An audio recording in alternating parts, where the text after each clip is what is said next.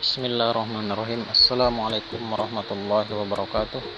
Alhamdulillah Assalatu wassalamu ala rasulillah Wa ala alihi wa sahbihi wa barik ajma'in. Selamat datang di pembelajaran akidah halak. Nah di sini saya Bapak Nuryadin akan mengajar mata pelajaran akidah halak untuk kelas 12 khususnya 12 MIPA 1 dan 12 MIPA 2. Nah, di sini di semester awal atau semester ganjil kelas 12 ada 5 bab atau 5 pokok bahasan yang akan yang akan kita pelajari. Yang pertama itu bab pertama ini berkaitan dengan Asmaul Husna atau nama-nama Allah yang terbaik. Kemudian bab kedua berkaitan dengan kunci kerukunan atau perdamaian. Yang ketiga ini berkaitan dengan berbagai macam penyakit hati. Kemudian di bab keempat, etika bergaul, bersahabat, berinteraksi dalam Islam dan bab kelima ini berkaitan dengan suri teladan atau contoh terbaik dari empat imam madhab imam madhab fikih yaitu imam uh, Hanafi, Imam Maliki, Imam Syafi'i dan Imam Hambali. Nah, di sini di pembelajaran bab 1 yang akan kita bahas adalah berkaitan dengan cerminan dan nilai mulia Asmaul Husna atau nama-nama Allah yang paling baik. Ada beberapa nama Allah atau Asmaul Husna yang akan kita pelajari di sini. Yaitu yang pertama Al-Afu atau yang Maha Pemaaf. Yang kedua adalah Ar-Razak atau Allah yang Maha memberi rezeki. Kemudian yang ketiga, Al-Malik, Allah yang menguasai atau merajai segalanya. Yang keempat adalah Al-Hasib, Allah yang maha pemberi kecukupan dan membuat perhitungan. Yang kelima adalah Al-Hadi, yaitu Allah yang maha memberi petunjuk. Yang kelima adalah Al-Halik, Allah yang maha menciptakan. Dan yang ketujuh adalah Al-Hakim, yaitu Allah yang maha bijaksana.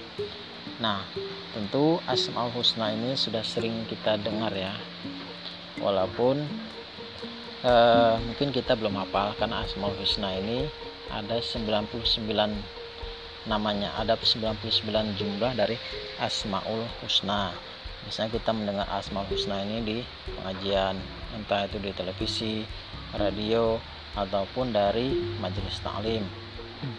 Nah, Asmaul Husna ini bisa kita jumpai juga di dalam ayat Al-Quran.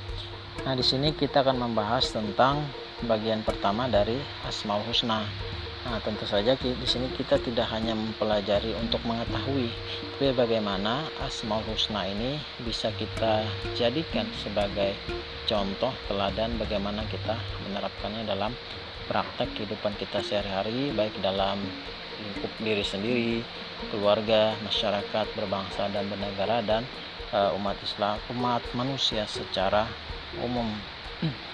Misalnya di sini yang pertama adalah yang kita bahas adalah al-afu yang artinya tadi bahwa Allah itu maha pemaaf. Maknanya apa yang di sini? Bahwa Allah ini adalah Tuhan yang maha memaafkan. Artinya kesalahan, kekeliruan, dosa yang dibuat oleh hambanya. Baik yang di masa lalu ataupun di uh, masa sekarang. Baik itu dosa-dosa yang kecil ataupun e, dosa besar. Tentu di sini untuk dosa-dosa besar ada beberapa pengecualian. Nah, Allah itu adalah yang Maha Pemaaf. Mengapa Allah Maha Pemaaf? Karena Allah itu bersifat sangat pemurah. Nah, kesalahan yang kita buat itu akan mudah saja Allah maafkan. Nah, dari sini dengan memaknai al-afu dengan dengan arti maha pemaaf artinya Allah maha pemaaf. Nah tentu saja dalam kehidupan sehari-hari kita bisa meneladani al-afu ini dengan menjadi seorang yang pemaaf. Walaupun sulit ya e, menerapkannya karena pemaaf ini adalah salah satu sifat mulia yang juga dicontohkan oleh Rasulullah baik itu kepada para sahabat maupun e, yang lainnya itu yang pertama maha pemaaf. Yang kedua adalah al-razak artinya Allah maha pemberi rezeki. Nah manusia dalam kehidupannya ini termasuk makhluk-makhluk yang lain sebenarnya sudah dijamin rezekinya oleh Allah karena Allah itu adalah maha pemberi rezeki. Allah yang menciptakan alam semesta dan segala isinya dan juga manusia di dalamnya. Dan Allah juga yang mencukupi menjamin rezeki hambanya. Nah dari sini kita bisa belajar bahwa kita tidak perlu risau berlebihan tentang rezeki kita. Namun dengan ini bukan berarti kita itu menjadi bermalas-malasan enggan berusaha. Tapi dengan Allah maha pemberi rezeki ini ini mendorong kita agar uh, giat berusaha dengan cara-cara yang baik, kreatif. Dan juga ar-rozak ini bisa kita teladani tadi dengan menjadi orang yang suka memberi atau dermawan di dalam kehidupan. Yang ketiga, sifat Allah yang ketiga adalah Al-Malik, yaitu Allah yang merajai atau menguasai sesuatu, khususnya adalah alam semesta. Allah yang menciptakan alam semesta dan Allah pula yang menguasai segala isinya. Nah, dari sini alam semesta diciptakan dan uh, dianugerahkan kepada manusia untuk mengelolanya. Tentu di sini ada tanggung jawab besar yang dipikul atau dibebankan kepada manusia untuk mempertanggungjawabkan alam semesta ini kepada Allah yang Maha menguasai. Nah, di sinilah tanggung jawab itu penting kita miliki atas apa yang dianugerahkan diberikan Allah kepada kita. Itu yang ketiga. Yang keempat adalah al-hasib. Al-hasib artinya Allah yang maha memberi kecukupan dan juga membuat perhitungan. Tadi bahwa manusia kehidupannya telah dicukupi oleh Allah. Jadi tidak perlu khawatir galau risau dan lain sebagainya. Namun tadi kita juga harus berusaha. Dan juga ingat bahwa apa yang kita lakukan di dunia ini hal yang kecil ataupun yang besar itu nanti akan diperhitungkan akan kita pertanggungjawabkan. Sehingga di sini kita harus mampu menampilkan sesuatu yang terbaik. Nah yang kelima yaitu al-hadi. Artinya Allah yang maha memberi petunjuk Allah yang memberi petunjuk kepada hamba-hambanya kepada manusia.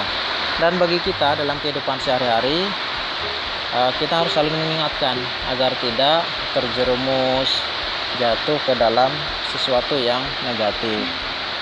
Itu al-hadi yang keenam adalah al-halik al-khalik artinya Allah yang menciptakan menciptakan segala alam semesta ini dengan indah dengan bagus Nah, kita pun harusnya didorong ya dengan sifat ini untuk memiliki jiwa kreatif dalam menghasilkan sesuatu. Yang ketujuh adalah Al-Hakim, artinya Allah Maha Bijaksana. Bahwa kejadian-kejadian yang terjadi di dunia ini adalah bukti bahwa Allah itu Maha Bijaksana dan setiap kejadian pasti ada hikmah atau pelajaran. Dan kita dituntut sebagai manusia untuk menjadi orang yang bijak, benar, Nah, itu yang berkaitan dengan cerminan dan nilai asmaul husna. Demikian ini yang sebagai pengantar kita. Nanti kita lanjutkan tanya jawab diskusi. Eh, mohon maaf bila ada salah atau kurang jelas nanti kita diskusikan bersama-sama. Assalamualaikum warahmatullahi wabarakatuh.